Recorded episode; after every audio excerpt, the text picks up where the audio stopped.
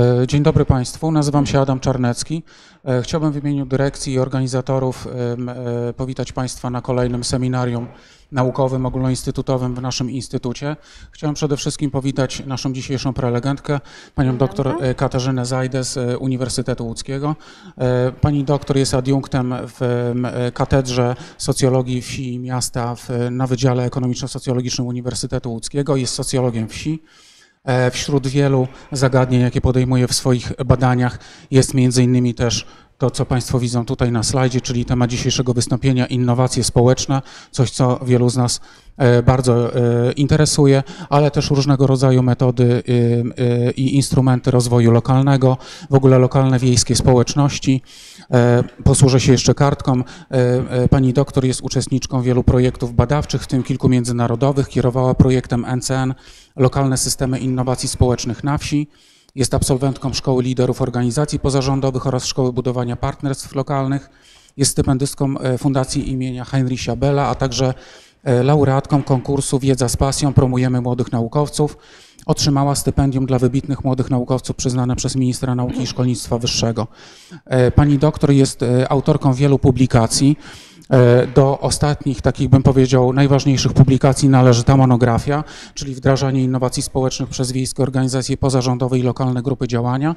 Ta monografia jest e, rozprawą habilitacyjną e, pani doktor. Wiemy, że procedura habilitacyjna jest w toku, że są już pierwsze pozytywne recenzje. Czekamy więc wobec tego na kolejne i na pani awans naukowy. To, o czym ja jeszcze chciałem powiedzieć, to kilka słów na temat właśnie tych innowacji społecznych. Tak jak powiedziałem, E, oczywiście są one istotne, z, powiedział, z praktycznego punktu widzenia, natomiast chciałem powiedzieć, że na tej sali w naszym instytucie jest wiele osób, które są żywo zainteresowane tym tematem.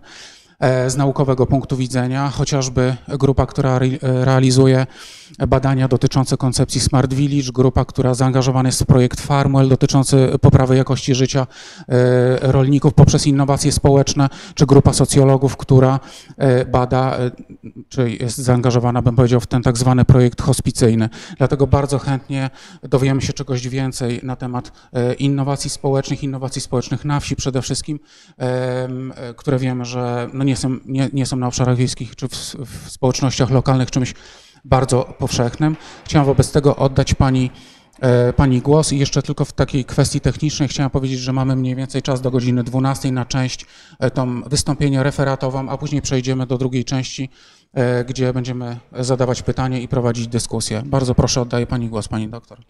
Dzień dobry Państwu. Po pierwsze dziękuję za zaproszenie. Jest mi niezmiernie miło, że mogę opowiedzieć o swoich badaniach właśnie tutaj, w. Bardzo dziękuję za prezentację mojego, mojego dorobku. Jest mikrofon chyba zamontowany. Tak, tak, tak. Bardzo dziękuję za prezentację też mojego dorobku. E, I może przystąpię po prostu do prezentacji, jeśli Państwo pozwolą, będę, będę siedziała. E, przygotowałam um, um, no, kilka slajdów i tutaj plan może zaprezentuję mojego wystąpienia. Więc po pierwsze chciałabym się skoncentrować na e, teoretycznym wprowadzeniu do problematyki, czyli opowiedzieć o mm, stanie badań właśnie dotyczących innowacji społecznych. W drugiej części przybliżę Państwu założenia metodologiczne badań własnych, e, po czym zaprezentuję wybrane rezultaty e, tych badań. Badania były prowadzone w ramach e, projektu finansowanego przez Narodowe Centrum Nauki, prowadzone przez kilka lat w gminach wiejskich. No i ostatnia część będzie dotyczyła wniosków oraz dyskusji. Chciałabym zacząć od takiego krótkiego wprowadzenia. Problematyka innowacji społecznych nie jest nową problematyką. Z tymi innowacjami mamy do czynienia od zawsze. Jeśli chodzi o inspiracje teoretyczne, Poszukuje się już, już na przykład w dorobku Maxa Webera, e, który pisał o nieprawidłowościach w działaniach, które doprowadzają do zmiany społecznej. Miały być to działania racjonalne, ale podbudowane wartościami odnoszącymi się do sfery sakrum, łączącymi życie ziemskie z wiarą w boskie przeznaczenie. Dalej w literaturze e, szuka się inspiracji dla współczesnych badań u Gabriela Tarda, e, który skonstruował pojęcie inwencji, Inwencje miały być działaniami społecznymi, zachowaniami, praktykami i przeciwieństwem imitacji, i to one doprowadzały do zmiany społecznej. jeden z klasyków socjologii, czyli Robert Merton, dla którego innowacja była przykładem zachowania nonkonformistycznego, e, mogła się pojawić, kiedy jednostka dążyła do realizacji kulturowo określonych celów, nie działając zgodnie z kulturowo wyznaczonymi normami określającymi możliwości ich osiągnięcia.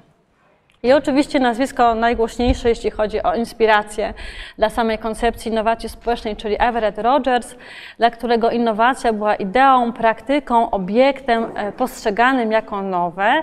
E, I Rogers skoncentrował się w swoich rozważaniach między innymi na samej dyfuzji innowacji, określając ją jako proces, w którym innowacja jest przekazywana za pośrednictwem wybranych kanałów w określonym czasie wśród członków e, systemu społecznego.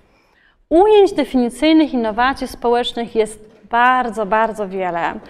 E, jest to koncepcja, która wzbudza niesamowite zainteresowanie wśród badaczy reprezentujących bardzo różne dyscypliny i subdyscypliny, co stwarza oczywiście pewien problem. Pozwoliłam sobie tutaj um, zaprezentować, stoczyć w zasadzie tytuł jednego z artykułów. E, opublikowany ten artykuł jest już 10 lat temu. E, autorstwa Dominika Ruda i Kathleen Roots, Mapping the Various Meanings of Social Innovations. I tylko lektura tego jednego artykułu, którym autorzy dokonali właśnie analizy treści obecnych wtedy definicji, czyli jest to 2012 e, rok, no, pozwala wyprowadzić już e, pewne wnioski związane z samą budową koncepcji innowacji społecznych. Ci autorzy stworzyli siedem kategorii definicji e, właśnie innowacji społecznych. Ja tutaj zaprezentuję trzy. Pierwsza kategoria bardzo bliska socjologom, czyli innowacje jako zmiana społeczna zmiana praktyk lub struktury społecznej, o tym jeszcze będę dzisiaj opowiadała. Natomiast kolejne um, kategorie um, Workplace Innovation. I tutaj przykładem jest definicja Knuta Holta, w myśl której innowacje społeczne to nowe sposoby współpracy ludzi pracujących w tej samej organizacji na rzecz wspólnie osiąganych celów. Widać, że jest to już zupełnie e, kategoria gdzieś pokrywająca się z innowacjami organizacyjnymi. I, I przegląd tych definicji pokazuje, jeden z podstawowych dylematów, przed którymi stoi każdy badacz. W którym momencie mówimy o innowacjach społecznych, a w którym zaczyna się innowacja organizacyjna, albo technologiczna, albo tak zwana governance innovation. Trzecia kategoria zmiany dotyczące obszaru pracy socjalnej, czyli są ci badacze, którzy uważają, że innowacje społeczne właniają się przede wszystkim w tych obszarach. Tak? To też pokazuje wiele dylematów, e, przed którymi stoi badacz, tak? Czy gdzie są te granice, gdzie pojawiają się te innowacje i czy te granice warto wyszczególniać, na ile innowacja technologiczna może być społeczną, na ile społeczna jest na przykład technologiczną, tak? Czyli e, na to pytanie musimy sobie odpowiedzieć. Jeśli chodzi o współczesne inspiracje teoretyczne, do tej pory mówiłam o tych nieco starszych, to zdecydowanie teoria strukturacji Antoniego Gidensa, a zainteresowanie e, tą teorią w kontekście budowania tak, koncepcji innowacji społecznych rozpoczęło się w zasadzie od jednego artykułu e, autorstwa Giovanniego Kadziaby Santana Social Innovation Moving the Field Forward. E, I to jest autor, który jako pierwszy wykorzystał ramy teoretyczne, tak, teorię strukturacji do budowy pewnego modelu który na trwałe wszedł już do literatury przedmiotu, właśnie modelu powstawania innowacji społecznych. I to jest autor, który zasłynął jako krytyk z jednej strony perspektywy indywidualistycznej, czyli takiej skoncentrowanej na cechach aktorów wdrażających innowacje społeczne, ale z drugiej strony perspektywy strukturalnej, w której analizuje się przede wszystkim wpływ struktury społecznej na proces wdrażania innowacji społecznej. To był autor, który pokazał, że te dwie perspektywy należy, należy łączyć.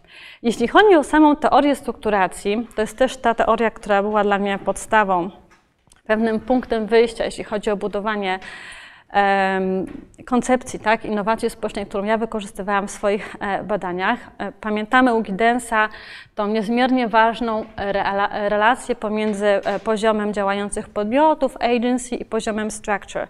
Czyli to nie jest tak, że struktura determinuje działania tych podmiotów, takich jak na przykład organizacje pozarządowe, tak, czy lokalne grupy działania, one też oddziałują na tą strukturę. Czyli mamy tutaj taką bardzo dynamiczną interakcję, ponieważ jak powiada e, Giddens, wszystkie podmioty są refleksyjne i mogą powielać zrutynizowane praktyki, natomiast mogą je oczywiście zmieniać, doprowadzając właśnie do zmiany e, społecznej. Czyli wszyscy ludzie są refleksyjnymi podmiotami działającymi, mają wiedzę o warunkach i konsekwencjach tego, co robią w życiu codziennym, natomiast wiedza ta nie musi być w pełni zwerbalizowana.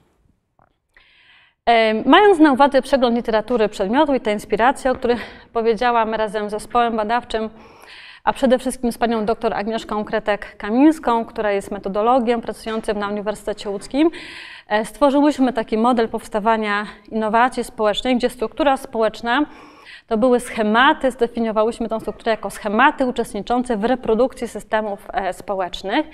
I te schematy mogły z jednej strony dotyczyć relacji między podmiotami działającymi na rzecz rozwiązywania lokalnych problemów społecznych, ale z drugiej strony sposobów działania tych podmiotów, w tym zasobów, jakie mogły być przez nie aktywizowane w celu rozwiązywania problemów społecznych. I w badaniach skoncentrowałam się przede wszystkim na tych sposobach działania podmiotów. Jeśli chodzi o relacje między podmiotami, ta zmiana jest bardzo długofalowa i naprawdę potrzeba badań panelowych, moim zdaniem, tak, prowadzonych w dłuższym e, okresie, żeby zaobserwować zmianę tych relacji. E, akurat nasz projekt finansowany przez NCN trwał kilka lat, ale tak uważam, że to jest perspektywa dosyć krótka, więc koncentrowałyśmy się na tych sposobach działania podmiotów. I tak wyglądał sam model, który przyjęłyśmy, po raz pierwszy opublikowany w 2018 roku na łamach problemów polityki społecznej. Czyli mamy tutaj działające podmioty, które są refleksyjne. Działające podmioty, na przykład organizacje pozarządowe, na przykład lokalne grupy działania, ale również oczywiście instytucje e, publiczne, ponieważ one również wdrażają e, innowacje społeczne. I te działające podmioty działają w pewnych oczywiście ramach instytucjonalnych, w ramach tej struktury, która ma miejsce w konkretnej społeczności lokalnej, więc mogą powielać te zrutynizowane relacje, zrutynizowane praktyki, na przykład w zakresie rozwiązywania problemów społecznych, albo dążyć do właśnie wywołania zmiany społecznej, czyli do wprowadzenia innowacji, czyli alternatywne mogą się pojawiać relacje między tymi podmiotami lub alternatywne sposoby działania podmiotów. I na tych alternatywnych sposobach działaniach, e, działań podmiotów się skoncentrowałam, e, czyli obok systemów takich dominujących e, mogą pojawiać się alternatywne, obok nie mogą ich zastąpić, zwłaszcza wtedy, kiedy mówimy o oddolnych innowacjach społecznych, mogą funkcjonować właśnie jako taka alternatywa E, względnie trwała lub trwała tak zmiana w konkretnej społeczności lokalnej. Akurat ja tą, e, tą społeczność e, dla mnie była gminą, gminą wiejską. Więc podsumowując, ta innowacja społeczna pojawiała się jako efekt refleksyjnych działań podmiotów dążących do zmiany zrutynizowanych relacji między nimi lub sposobów działania w zakresie rozwiązywania problemów społecznych. I sama definicja, którą obrałyśmy, innowacja społeczna dla nas to były nietypowe praktyki społeczne, alternatywne w stosunku do dominujących na danym obszarze, czyli to był obszar gminy wiejskiej lub partnerstwa terytorialnego w przypadku lokalnych grup działania, których celem jest wprowadzenie zmiany w obszarze rozwiązywania problemów społecznych. Czyli w projekcie przede wszystkim naszym punktem odniesienia była gmina wiejska lub partnerstwo, interesował nas cały kontekst tak, funkcjonowania tej społeczności, czyli nie tylko działające podmioty, ale też ta struktura, w której one były zakorzenione. E, I to wszystko było rozpatrywane poprzez jakby pryzmat zrutynizowanych praktyk rozwiązywania konkretnych problemów społecznych, no i ewentualnie pojawiania się alternatywy w stosunku do, e, do tych praktyk. Dlaczego problemy społeczne, a nie potrzeby społeczne? Są też badacze, którzy odnoszą innowacje właśnie do takiej bardzo szerokiej kategorii, jaką są potrzeby społeczne, łatwiej naszym zdaniem zoperacjonalizować sam termin, jeżeli odnosimy go do, do problemów społecznych niż do, do potrzeb tak, społecznych. E, dalej przyglądałam się e, wiejskim aktorom innowacji społecznych, czyli śledziłam literaturę przedmiotu pod kątem właśnie e, cech, które predestynują w jakiś sposób tak, podmioty zakorzenione w wiejskich społecznościach do tego, żeby mogły wdrażać innowacje społeczne. I takich podpowiedzi oczywiście w literaturze przedmiotu jest sporo. Są to instytucje publiczne, ale też literatura zachodnia mocno podpowiada, że ich potencjał w zakresie wdrażania innowacji społecznych jest niższy niż organizacji pozarządowych, dlatego że one są zobligowane do, e, no właśnie, przestrzegania pewnych zutylizowanych sposobów rozwiązywania na przykład problemów społecznych czy przeciwdziałania tym problemom. Oczywiście instytucje publiczne E, o czym, jakby co pokazały moje wcześniejsze badania, również mogą wdrażać innowacje społeczne, ale jest to na pewno trudniejsze niż w przypadku organizacji pozarządowych, no, które wykazują się większą elastycznością działania, jednocześnie będąc zakorzenione w tych wiejskich społecznościach, świetnie znają tak, te problemy mieszkańców, znają specyfikę tych problemów, znają ten swój kontekst, strukturę, tak, wiedzą jak się w tym kontekście poruszać. Wiemy, jak bardzo zróżnicowane są organizacje pozarządowe, zwłaszcza na wsi. Tak? Mamy organizacje tradycyjne, koła gospodyń wiejskich, ochotnicze straże y, pożarne, dobrze znane lokalnym społecznościom, dysponujące bardzo dużymi zasobami kapitału społecznego. Mamy organizacje nowego typu, powstające najczęściej z końcówką lat 80. i później, tak? czyli e, mówi się o nich w literaturze, w literaturze, to są nowe organizacje. One znowu są zbiorem niesamowicie zróżnicowanym. E, mamy stowarzyszenia zarejestrowane w KRS-ie, Krajowym Rejestrze Sądowym, o których w skrócie się mówi jako stowarzyszeniach rejestrowych i ja na nie skoncentrowałam swoją e, uwagę, czyli właśnie na stowarzyszeniach i na fundacjach zarejestrowane w, w KRS-ie, mając oczywiście świadomość tego, że również funkcjonują stowarzyszenia zwykłe, tak, które są po prostu wpisane do, re, do regonu i funkcjonują troszeczkę jakby e, inaczej. Na podstawie badań Stowarzyszenia Klan Klon Jawor, przepraszam, co można powiedzieć o organizacjach pozarządowych, że działają przede wszystkim lokalnie, że zajmują się przede wszystkim sportem, turystyką, hobby oraz rozwojem lokalnym, że najczęściej przyjmują właśnie formę prawną stowarzyszenia, zrzeszają mniejszą liczbę członków niż organizacje miejskie, a osoby zrzeszone w tych organizacjach częściej pracują wyłącznie e, społecznie. E, moje wcześniejsze badania prowadzone w, na obszarze jednego z województw e, wschodnich naszego kraju e, pokazały pewne bariery, przed którymi jakby, które no, pojawiają się wtedy, kiedy organizacja jest zainteresowana wdrożeniem innowacji społecznej.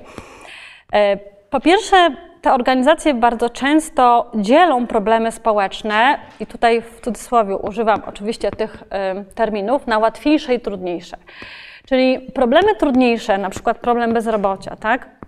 To są w opinii organizacji pozarządowych, w opinii ich liderów, te problemy, które wymagają jakby szczególnych zasobów, zasobów wiedzy, ale też zasobów finansowych. I e, moje wcześniejsze badania pokazały, że organizacje bardzo często myślą w ten sposób, te trudniejsze problemy, one przynależą instytucjom publicznym. My będziemy zajmowali się rozwiązywaniem nieco innych problemów, tych, które właśnie są określane tutaj też w cudzysłów ujęłam to e, określenie jako łatwiejsze, czyli wymagają troszkę innych zasobów. To są bardzo często problemy związane z edukacją na obszarach wiejskich, zagospodarowaniem czasu wolnego dla dzieci i młodzieży. Tak? To są tak problemy, z którymi organizacja jest przekonana, że może sobie poradzić właśnie e, siłą jakby sprawczą swoich liderów, tych osób, które, które zrzesza. Kolejną taką barierą, którą e, udało się zidentyfikować, to są same postawy osób, które doświadczają jakiegoś problemu społecznego. E, I tutaj podam jeden przykład. Fundacja właśnie z, z, województw, gminy wiejskiej w województwie lubelskim Fundacja y, tworzy innowację społeczną, dostrzegając jeden konkretny problem, czyli w momencie, kiedy osoba z niepełnosprawnością pojawia się tak, w urzędzie gminy, nie jest w stanie, jest to niepełnosprawność polegająca na tym, że osoba nie może się samodzielnie skomunikować, tak, jest osobą niesłyszącą lub niemówiącą i nie może y, samodzielnie tak, no, załatwić jakiejś sprawy w urzędzie. I fundacja stworzyła innowację polegającą na tym, że w czasie rzeczywistym, w tą interakcję pomiędzy urzędnikiem e, i tą osobą z niepełnosprawnością włącza się e, tłumacz, na przykład języka migowego. Była to oferta, usługa, e, gdzie, której odbiorcą miał być urząd gminy, czyli pewną stałą opłatę urząd gminy miał tutaj uiszczać za to, że właśnie ta osoba dyżurowała i w czasie rzeczywistym taka interakcja mogła być przeprowadzona. Natomiast okazało się, że urzędy nie były tym zainteresowane, ponieważ e, najczęściej takiej osobie z niepełnosprawnością towarzyszył ktoś z rodziny, a jakiś przyjaciel i on pomagał tą sprawę e, po prostu doprowadzić do końca, czyli przeprowadzić w sumie tą interakcję. I ta innowacja, ona umarła, tak? Jakby była pewnym pomysłem, który się zrodził, wydawało się, że jest to pomysł, który odpowiada na e, pewien problem społeczny, tak? Byli, były osoby, które w gminie doświadczyły tego problemu, natomiast ta innowacja nie była kontynuowana ze względu właśnie na brak zainteresowania tak naprawdę dwóch stron. I kolejna kwestia, która może stanowić barierę dla aktywności organizacji pozarządowych, to są relacje z władzami lokalnymi, instytucjami publicznymi.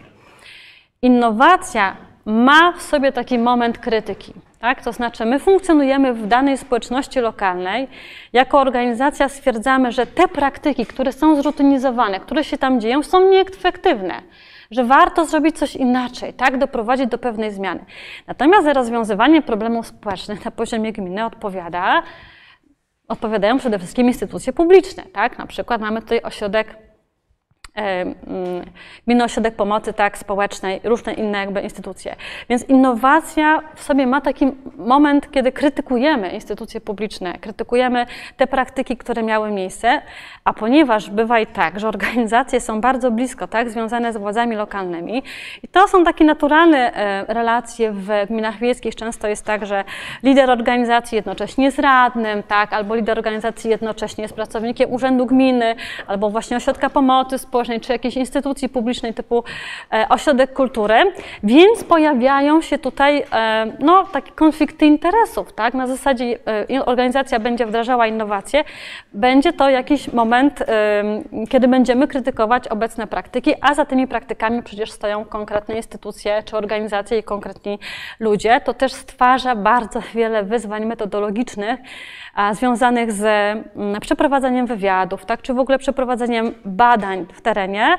E, to są na przykład problemy związane z obdarzaniem badacza zaufaniem przez tych respondentów. Oni opowiadając o tej innowacji, opowiadają tak naprawdę o tym, co się dzieje w lokalnej społeczności i opowiadają, tak, w ich narracji docieramy do tego momentu, kiedy mówią właśnie, że tutaj działa się jakaś praktyka, którą my ocenialiśmy jako nieefektywną. Więc czy oni są w stanie się tą historią podzielić? Tak? W wielu wypadkach w moich badaniach okazywało, że, okazywało się, że nie chcą się tą historią podzielić z bardzo właśnie um, różnych względów. Oczywiście takimi aktorami wdrażającymi innowacje społeczne na wsi są również lokalne grupy działania. To są e, organizacje, które ja wyodrębniam ze zbioru organizacji pozarządowych, to znaczy mimo, że mają osobowość prawną, tak, e, są stowarzyszeniami, e, Moim zdaniem w literaturze też to wyraźnie widać, to są raczej agencje rozwoju lokalnego czy, czy regionalnego. Ich struktura jest bardzo specyficzna, jak pamiętamy. Zrzeszają przedstawicieli sektora społecznego, gospodarczego i publicznego. Ich specyfika również polega na tym, że w momencie, kiedy pojawiał się lider, tak, Pojawiał się lider, tak, i jakby zasady jego podejścia, pojawiała nam się innowacyjność, tak, jakby innowacyjność jest tutaj elementem, była zasadą podejścia lider, zresztą ona pojawia się też w rozwoju lokalnym kierowanym przez społeczność, czyli lokalne grupy działania, które powstawały no, w sumie od 2005 roku na obszarach wiejskich, one były oswojone z tą innowacyjnością, jakby ta innowacyjność była wpisana w specyfikę ich działalności, więc można było się spodziewać, że te innowacje społeczne również pojawią się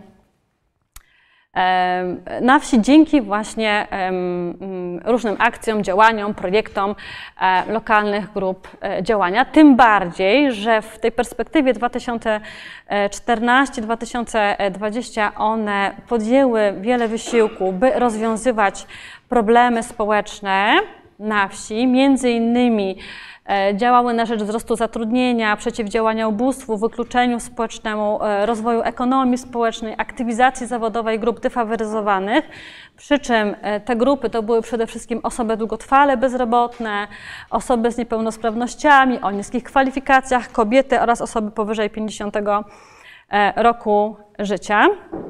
I lokalne grupy działania mogły w bardzo różny sposób wspierać innowacje społeczne. Mogły wspierać e, podmioty, które zgłaszały się niejako tak, do, do tych organizacji między innymi uczestnicząc w projektach grantowych albo biorąc udział w różnego rodzaju konkursach, tak, ogłaszanych przez LGD, ale też LGD realizowały projekty własne, również projekty współpracy, czyli takie projekty, gdzie nawiązywały współpracę najczęściej z innymi tak, lokalnymi grupami działania z innych województw albo z, z innych krajów.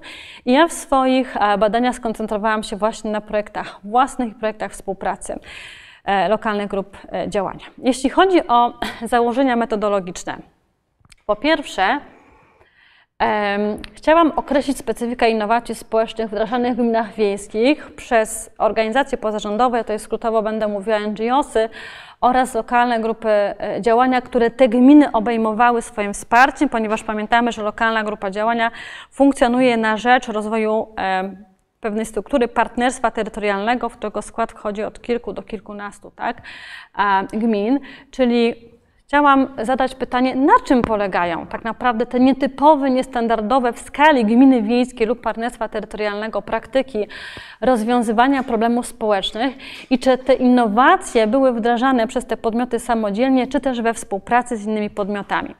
I dlaczego określenie tej sieci współpracy było ważne? Mamy bardzo różne rodzaje innowacji społecznych. Między innymi w literaturze mówi się o locally bounded social innovations. To są takie innowacje wdrażane przez jeden podmiot, bardzo często w ramach konkretnego projektu, który zaczyna się i kończy. I w momencie, kiedy kończy się ten projekt, kończy się innowacja. Nie ma sieci współpracy. Bardzo szybko ona zanika i pamięć też o tej innowacji bardzo szybko zanika. E, I takich innowacji jest bardzo, bardzo wiele i trudno do nich dotrzeć. To są czasami zjawiska niezwykle ulotne. Czyli w momencie, kiedy pojawia się badacz i dostrzega tą innowację, może, że tak powiem, ją odnotować, tak? Natomiast pojawi się później, rok później, dwa lata później i nie jest w stanie dotrzeć, tak, do informacji na ten temat, bardzo często, o czym też będę mówiła dalej, w ogóle one nie są powszechniane. I to nie tylko jest e, kwestia polska, to znaczy nie tylko w Polsce tak się dzieje, ale też cała literatura zachodnia mówi na ten temat bardzo wiele.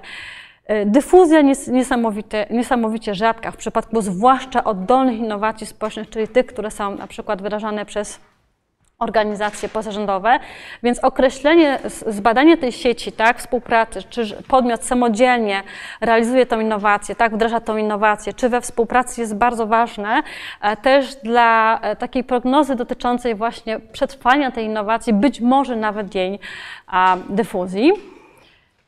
Chciałam również e, tutaj zanalizować efekty, które pojawiały się w związku z wdrożeniem tej innowacji, no i zadać pytanie o to, czy te praktyki podlegały monitoringowi, ewaluacji, czy organizacje podejmowały działania na rzecz ich upowszechnienia, przy czym było to pytanie, które przede wszystkim e, związane było ze specyfiką działania organizacji pozarządowych, ponieważ lokalne grupy działania mają obowiązek monitorowania swoich działań, ewaluacji, upowszechniania, więc tutaj ta kwestia. Dziękuję bardzo. Była dość e, oczywista. Natomiast drugi cel, który się e, pojawił w, w, tych badaniach, to było zidentyfikowanie cech, pod względem których różnią się organizacje, które posiadają doświadczenie we wdrażaniu innowacji społecznych, od tych, które takiego doświadczenia nie posiadają. I te cechy dla mnie stanowiły przesłankę do wyprowadzenia wniosków dotyczących czynników wspomagających, wspierających wdrażanie innowacji e, społecznych na wsi. A jakie mogły być to cechy? I znowu tutaj e, z pomocą przyszła literatura przedmiotu, przede wszystkim współpraca. Współpraca określona jako działania na rzecz wspólnie określonych celów, zarówno międzysektorowa, jak i wewnątrzsektorowa. Współpraca tych podmiotów, które były ulokowane na poziomie danej społeczności lokalnej, ale również współpraca tych podmiotów e, z podmiotami spoza tej społeczności, co jest niezwykle cenne, jeśli chodzi o transfer różnego rodzaju zasobów. I wiele wysiłku.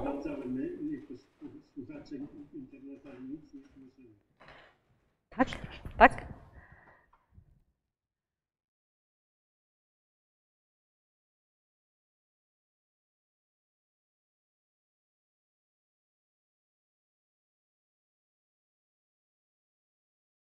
Dobrze, drobna kwestia techniczna.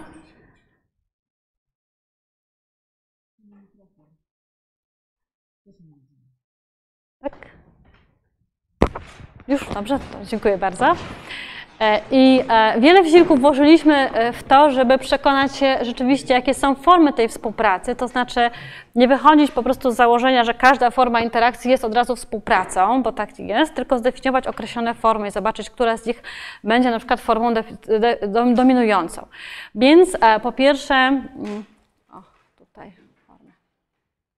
To było tw- tworzenie wspólnych zespołów o charakterze doradczym, inicjatywnym.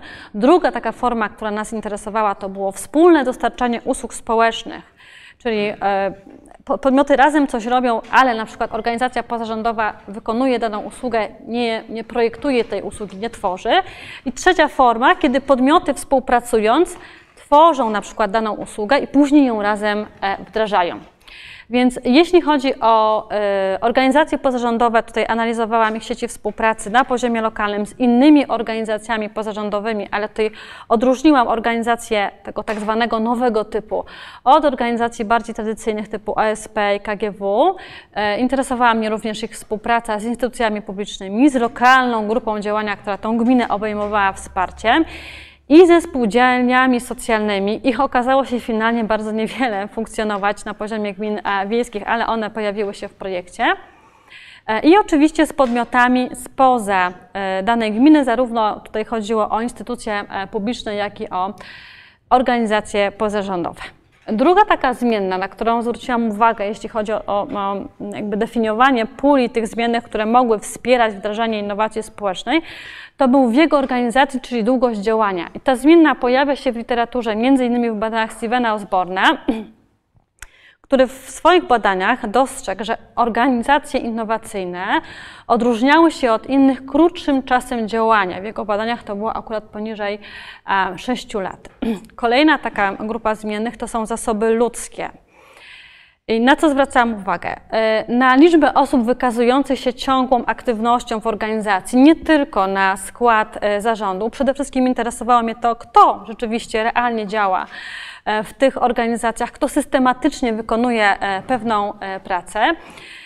I moje wcześniejsze badania, akurat prowadzone na próbie łódzkich organizacji pozarządowych, czyli nie na próbie wiejskich organizacji, pokazały, że wiek organizacji i liczba osób wykazujących się w niej ciągłą wysoką aktywnością nie wpływały na wdrażanie innowacji społecznych, natomiast znaczące było zatrudnianie pracowników na umowy cywilnoprawne. Te umowy mają swoją specyfikę, czyli umowa zlecenie albo umowa o dzieło. Bardzo często właśnie ten przepływ tych zasobów ludzkich w organizacji jest dosyć duży, a nowy pracownik to jest pewna nowa perspektywa, tak, związana z funkcjonowaniem danej organizacji, związana z tym, jak ta organizacja funkcjonuje, jakie projekty realizuje na rzecz rozwiązywania właśnie problemów społecznych i tą zmienną również uwzględniłam w badaniach. I zasoby finansowe, czyli kolejna taka zmienna, która mogła różnicować tutaj organizacje wdrażające innowacje społeczne od tych, które ich nie wdrażały, to są zasoby finansowe. I dlaczego one są ważne? Trudno bez zasobów finansowych realizować długotrwałe projekty. Trudno kontynuować jakieś przedsięwzięcie, zwłaszcza jeżeli one dotyczy rozwiązywania problemów społecznych, które bardzo często są niezwykle trudne nie tylko do rozwiązania, ale nawet do e, zminimalizowania. Em, te zasoby są bardzo wskazane, zwłaszcza wtedy, kiedy myślimy o projektach bardzo ryzykownych. A innowacja społeczna jako przedsięwzięcie niesprawdzone, nietypowe, alternatywne wobec tego, co się dzieje tak, na poziomie społeczności lokalnej, jest przedsięwzięciem bardzo ryzykownym. Jeśli mamy niewiele zasobów, niewiele zasobów ludzkich czy niewiele zasobów finansowych, czasami bardzo trudno jest w ogóle pokusić się o to, żeby to, to przedsięwzięcie mogło być kontynuowane. Rozumiem, że krótka przerwa.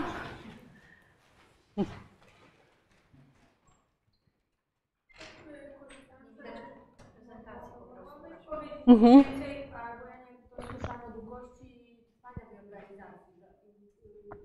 Z badań Osborna wynikało, że do 6 lat, y, czyli im krótszy czas działania, tym bardziej jest innowacyjna. Natomiast w moich badaniach łódzkich ta zmiana nie okazała się istotna.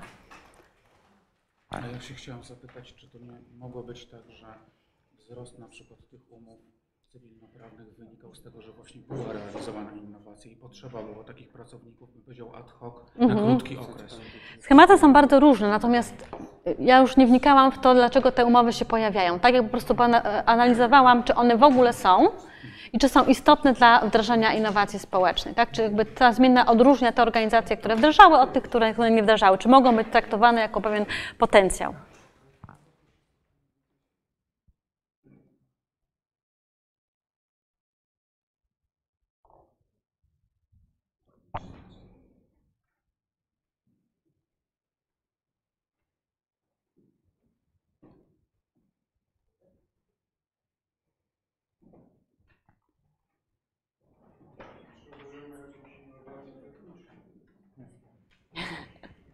Tak.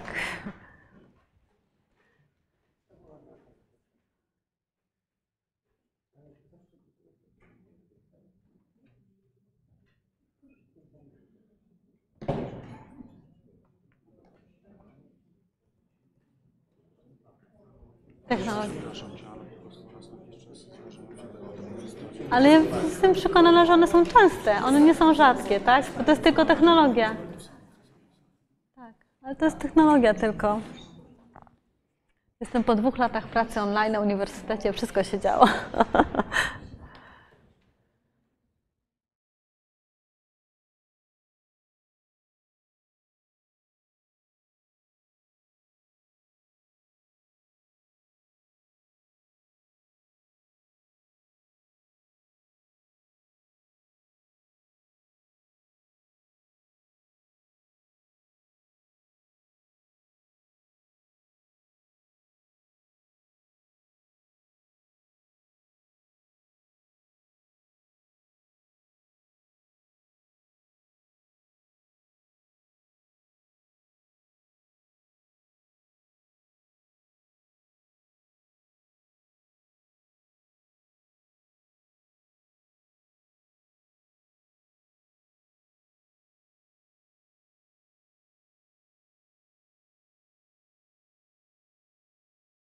Dobrze.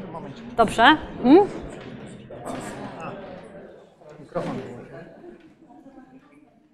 Mhm.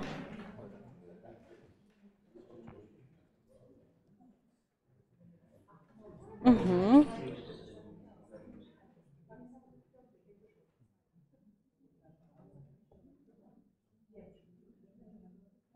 Mhm, to ja przesunę. Dobrze. E, Więc ostatnia taka zmiana, na którą zwróciłam uwagę, to jest zaangażowanie osób doświadczających problemów społecznych w proces ich rozwiązywania. Ta zmiana również pojawia się w, w badaniach em, wielu osób em, zajmujących się koncepcją innowacji społecznych. E, I dlaczego ona jest ważna? Po pierwsze, obywatele są źródłami innowacji społecznych. Tak?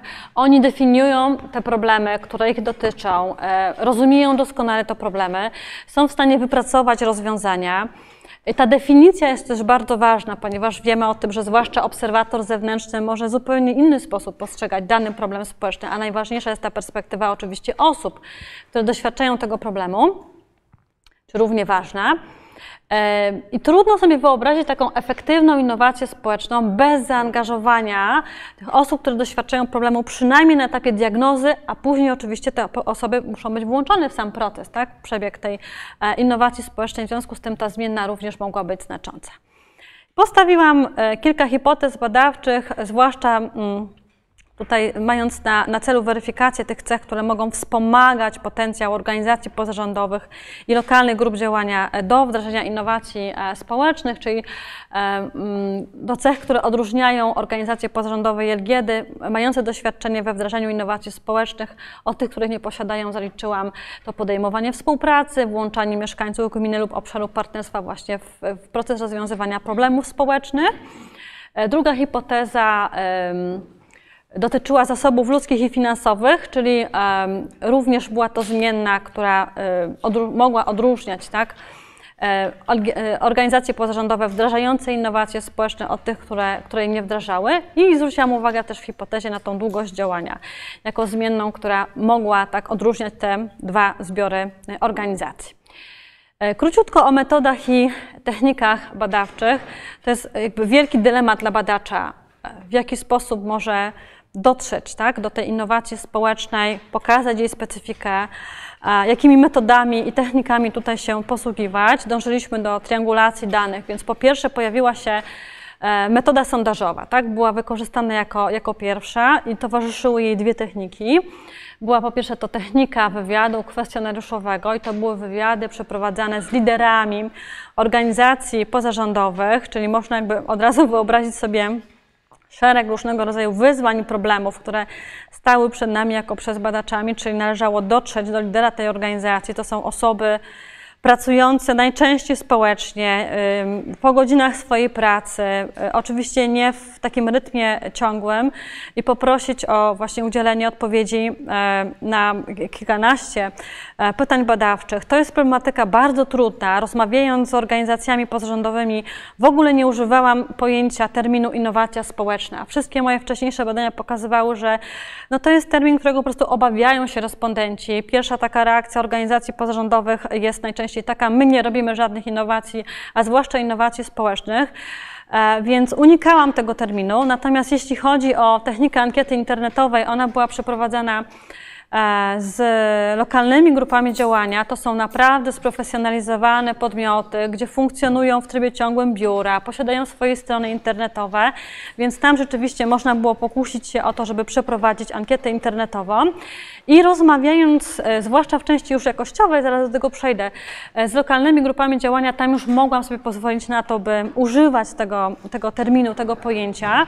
Innowacja społeczna, właśnie wychodząc z założenia i też przeprowadzając analizę treści lokalnych strategii rozwoju, że same lokalne grupy działania, ich liderzy, kierownicy biur są oswojeni jakby z tym pojęciem. Tak? Ta zasada innowacyjności powinna była wpłynąć na to, by e, te pojęcia właśnie były używane.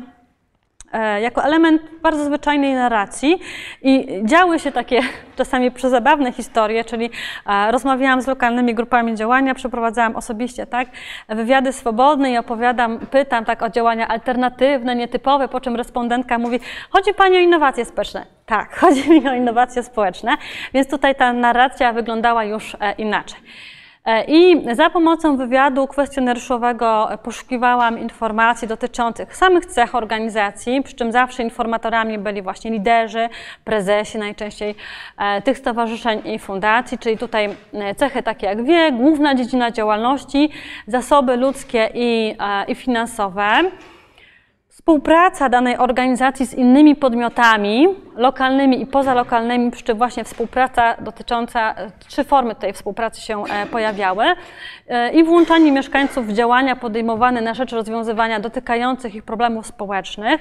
I czym było dla nas to włączanie? Tutaj nie wiem, czy ten slajd jest widoczny, ale interesowało nas to, czy organizacja e, e, jako cel tak, wyznacza sobie aktywne włączanie mieszkańców gminy w proces planowania działań, które zamierza realizować na ich rzecz. Czy ona podejmowała jakieś działania, żeby rzeczywiście konkretnie włączyć tych mieszkańców, czy je ocenia na bieżąco, tak, poddaje ewaluacji i czy udostępnia, przekazuje innym organizacjom wzorce w tym, e, w tym zakresie. Pytałam również o wdrażanie innowacji społecznej i od razu przyjęliśmy takie założenie, e, że tą specyfikę innowacji społecznej można rozpoznać tylko projektując badania jakościowe. Więc w tej części ilościowej pojawiło się jedno pytanie, które pozwoliło nam oszacować skalę i tak naprawdę stworzyć próbę do kolejnego badania. W części e, ilościowej, wtedy, kiedy kwestionariusz jest dość rozbudowany. E, I to jest naprawdę trudna problematyka, tak? I docieramy do, do tego respondenta, naprawdę nie ma mowy o tym, żeby weryfikować te odpowiedzi, pytać o kontekst lokalny, jakby dążyć do tego, żeby ustalić, czy ta rzeczywiście, czy to działanie, przedsięwzięcie jest innowacją, czy nie. To się zadziało później na etapie już badań jakościowych, więc tutaj pojawiło się jedno pytanie, czy w celu rozwiązywania problemów dotykających mieszkańców gminy organizacja realizowała jakieś działania, które można określić jako nietypowe, inne od powszechnie realizowanych przez inne podmioty usytuowane na terenie tej samej gminy, działające na rzecz rozwiązywania tego samego samego e, problemu społecznego. I znając specyfikę obszarów wiejskich, mm, poczyniliśmy takie założenie. One nie są wysycone w wysokim stopniu organizacjami pozarządowymi. Te organizacje siebie znają, tak? E, znają instytucje, wiedzą, e, jak najczęściej rozwiązuje się dany problem społeczny, jakie instytucje, organizacje są zaangażowane w ten proces. W związku z tym dosyć naturalna dla nas była taka narracja, kiedy organizacja sama mogła właśnie wskazać te podmioty, ona wiedziała o tym, jakie podmioty są zaangażowane w rozwiązywanie danego problemu społecznego i tutaj polegaliśmy właśnie na wiedzy liderów danej organizacji. I też za pomocą tego narzędzia ilościowego poszukiwaliśmy informacji a propos tej sieci współpracy, o czym już wcześniej e, powiedziałam. Na podstawie zebranych danych e, tworzyłam szereg indeksów, ja może tutaj już nie będę ich charakteryzowała. Oczywiście rzetelność każdego indeksu również została zweryfikowana. E, podobnych informacji poszukiwaliśmy, jeśli chodzi o ankietę, znaczy w ankiecie internetową, czy w ankiecie internetowej, czy za pośrednictwem tak, ankiety internetowej, ale oczywiście to narzędzie było dużo krótsze, ponieważ pewne bloki pytań, na przykład dotyczące zasobów finansowych, zostały e, tutaj pominięte. Również tworzyliśmy szereg indeksów, e, weryfikowaliśmy normalno, czy, czy, czy, ten rozkład odstawał od normalnego, czy nie. Celem wybrania testu, który był wykorzystany do tych porównań, to był test Mana Whitneya dla dwóch prób niezależnych z poprawką dla rank wiązanych i wielkością efektu. Oczywiście te indeksy również były w odpowiedni sposób przeliczane. Jeśli chodzi o część jakościową, czyli tą najważniejszą e, dla opisania samego zjawiska, jego specyfiki, to posłużyliśmy się tutaj metodą zbiorowego studium przypadku, która znowu obejmowała kilka technik. Tak? To jest znamienne dla tej metody, że obejmuje e, kilka technik. E, więc Tutaj były przeprowadzane wywiady swobodne, ukierunkowane z liderami organizacji pozarządowych. Konkretnie zaprezentowałam też w publikacji 8 przypadków innowacji społecznych wdrażanych przez organizacje pozarządowe. Po y, dwa z każdej kategorii, to znaczy w części ilościowej realizując część ilościową, wiedzieliśmy, że przede wszystkim organizacje działają właśnie w obszarze edukacji, wychowania, rozwoju lokalnego, kultury i sztuki, usług socjalnych i pomocy e, społecznej. I w ramach właśnie tych zbiorów losowaliśmy organizacje, e, które brały udział w części e, jakościowej, natomiast dobór respondentów do tych wywiadów swobodnych przeprowadzanych z liderami lokalnych grup działania i z kierowniczkami biur lokalnych grup działania był już nieco inny, bo tam był e, dobór losowy, czyli po jednym przypadku z e, województwa. Tak jak wiemy, lokalne grupy działania nie mają e, takich bardzo określonych profilów, profili swojego działania, w związku z tym to uzasadniało zastosowanie nieco innego doboru.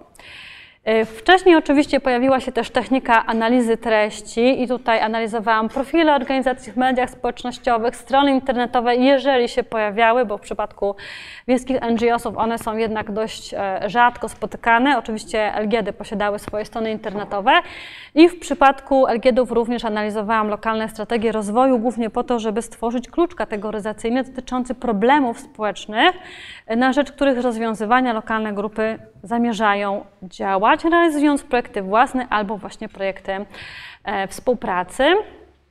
E, I oczywiście te wywiady również swobodne uwzględniały cały taki kontekst, tą strukturę starałam się określić, czyli kontekst lokalny, dotyczyły celów organizacji, projektów, podmiotów lokalnych, z którymi one współpracowały.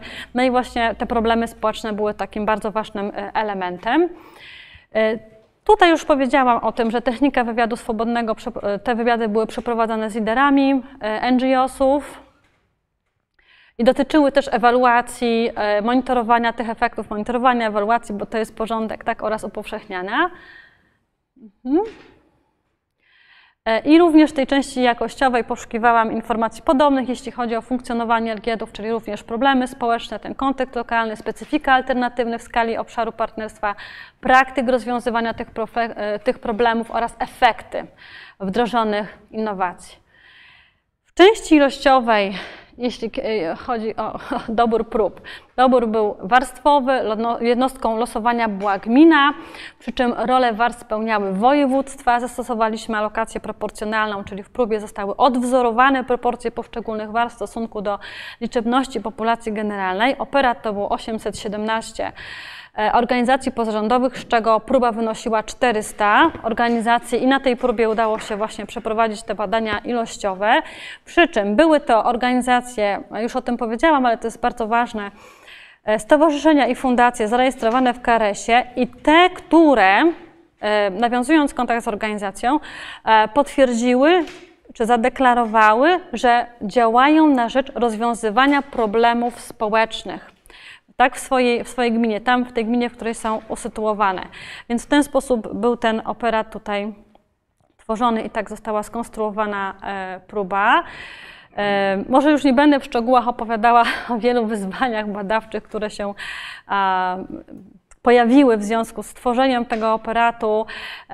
Wszyscy wiemy o tym, jak wygląda baza GUS-u, czyli ona jest w dużej mierze nieaktualna, zmieniają się te dane, nie zawsze organizacje e, podają swoje pełne dane kontaktowe, trudno się w ogóle skomunikować, tak? Więc tych problemów było naprawdę bez liku, ale finalnie, finalnie się e, udało. A jeśli chodzi o budowanie bazy lokalnych grup działania, to oczywiście tutaj takim źródłem był KSOF.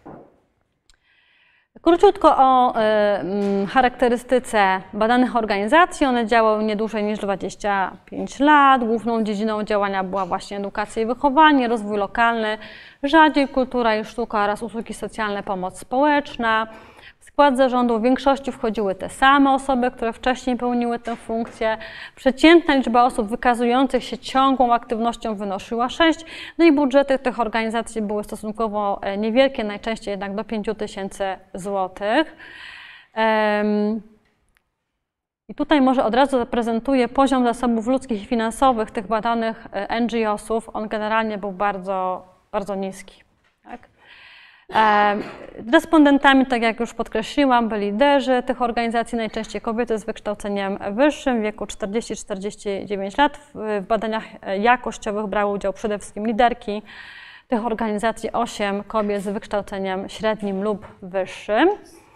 W badaniach e, ilościowych, jeśli chodzi o zbiór lokalnych grup e, działania, również najczęściej brały udział kobiety z wykształceniem wyższym, a w badaniach jakościowych e, kierowniczki biur również z wykształceniem wyższym. I teraz przechodzę do tej zasadniczej części, czyli najważniejszych wniosków tak, płynących e, z tych badań. Pierwszy, e, pierwsza informacja może wydawać się dość zaskakująca i ja też w monografii komentuję ten wynik, ponieważ naprawdę jest zaskakujący. E, Ponad 33% tych badanych organizacji pozarządowych zadeklarowało, że wdrażało w przeciągu ostatnich trzech lat, to była nasza perspektywa, innowacje społeczne. I oczywiście możemy tutaj e, doszukiwać się pewnego efektu społecznych e, oczekiwań, ale z drugiej strony, jeżeli pomyśleć o tym, że e, proces innowacji społecznych jest naprawdę wieloetapowy, czyli to przedsięwzięcie mogło się zadziać w lokalnej społeczności, ale właśnie nie, zostało upowszechnione, na pewno nie ulegało dyfuzji. Ten wynik wcale nie, okazuje się jakby niemożliwy, czy rzeczywiście tak mogło być. I ponad 66% wdrażało te innowacje społeczne we współpracy z innymi podmiotami. To jest bardzo dobry prognostyk, jeśli chodzi później o e, upowszechnianie e, tej innowacji, być może jeśli chodzi o jej e, dyfuzję. Kilka przykładów tych innowacji społecznych, one są szczegółowo opisane w monografii. Ja na pewno nie mam tutaj czasu, żeby opowiadać um, szczegółowo tak, o, o tym, co się wydarzyło na poziomie konkretnej społeczności lokalnej, ponieważ zawsze to była opowieść właśnie o tych zrutynizowanych schematach e, działania w zakresie rozwiązywania konkretnego problemu społecznego, o tym, jak działa organizacja, o tym, dlaczego tak, pojawiła się ta innowacja społeczna, czyli działanie nietypowe i dlaczego organizacja uznała to działanie nietypowe za tą innowację e, społeczną.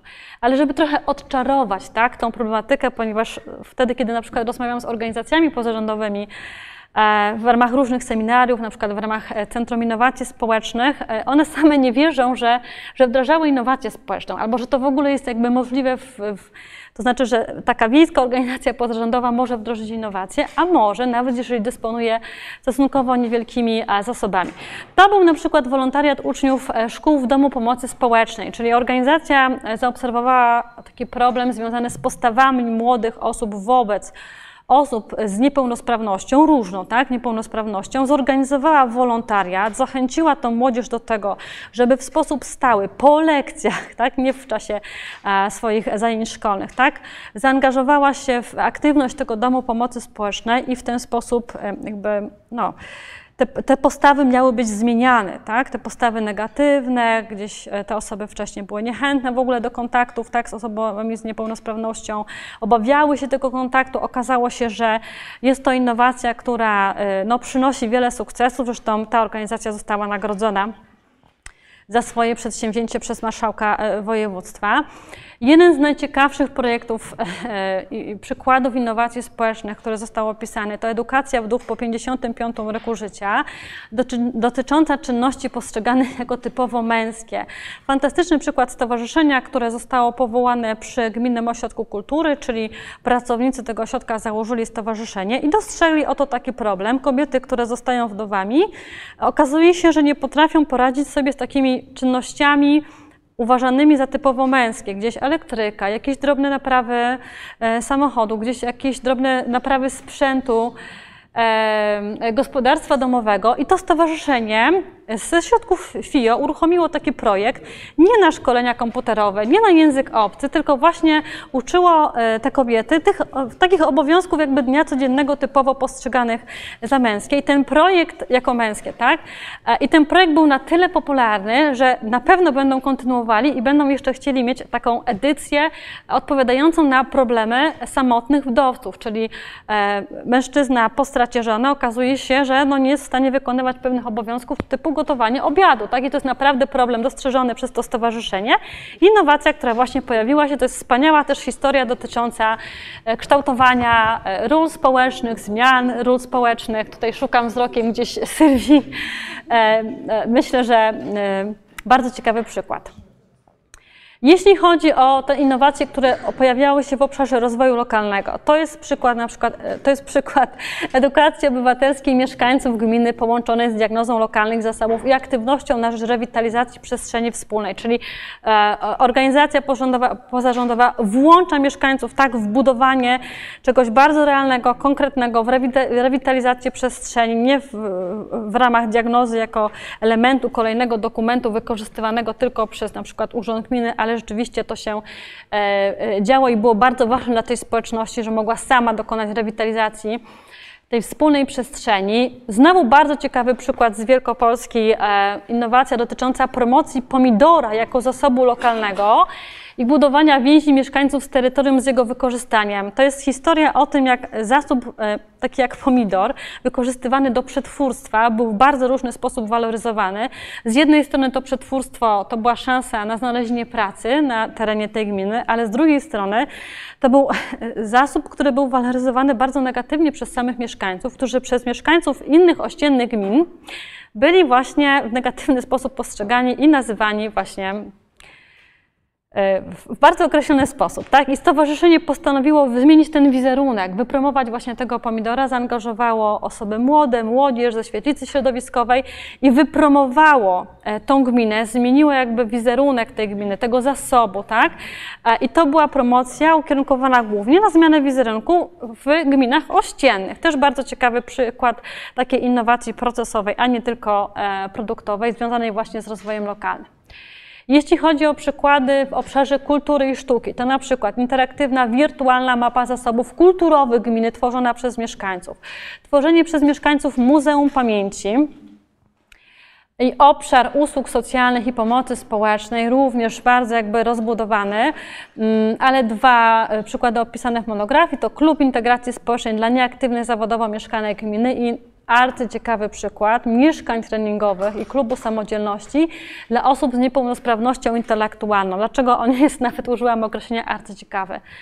Liderka stowarzyszenia przez bardzo długi czas była, e, pełniła funkcję e, dyrektor jednej właśnie z lokalnych instytucji zajmujących się między innymi e, pomocą osobom e, z niepełnosprawnością intelektualną. I po 17 latach swojej pracy zwolniła się z tej instytucji publicznej, założyła stowarzyszenie, którego misją było uchronić jak najwięcej osób właśnie z niepełnosprawnością intelektualną przed trafieniem do domu pomocy społecznej. I w tym celu właśnie starała się o mieszkania treningowe, objęła te osoby bardzo zróżnicowanym, długofalowym e, wsparciem, między innymi w ramach klubu samodzielności. I to jest taki no, wzorcowy, powiedziałabym, przykład tej alternatywnej praktyki, czyli ona doskonale była zorientowana w tych praktykach, które działy się na poziomie gminy. Sama była jakby y, osobą, która powielała te zrutynizowane tak, schematy i w pewnym momencie e, właśnie będąc tą jednostką refleksyjną, tak jak powiada Giddens, stwierdziła, że należy to zrobić inaczej, że to nie może w ten sposób funkcjonować, bo to nie jest efektywne, tak? zwłaszcza wtedy, kiedy ustawała pomoc rodziców czy opiekunów prawnych tych osób z niepełnosprawnością intelektualną, one e, trafiały do tych DPS-ów, domy pomocy, domu pomocy społecznej i ona używała w narracji, w wywiadzie takiego określenia bombonierki, tak? że to są takie instytucje totalizujące, zupełnie zamknięte, które nie pozwalały tym osobom na, na rozwój, a wręcz je uzależniały od no, właśnie kolejnych instytucji a, pomocowych. Więc podsumowując ten wątek związany ze specyfiką innowacji społecznych wdrażanych przez NGOsy.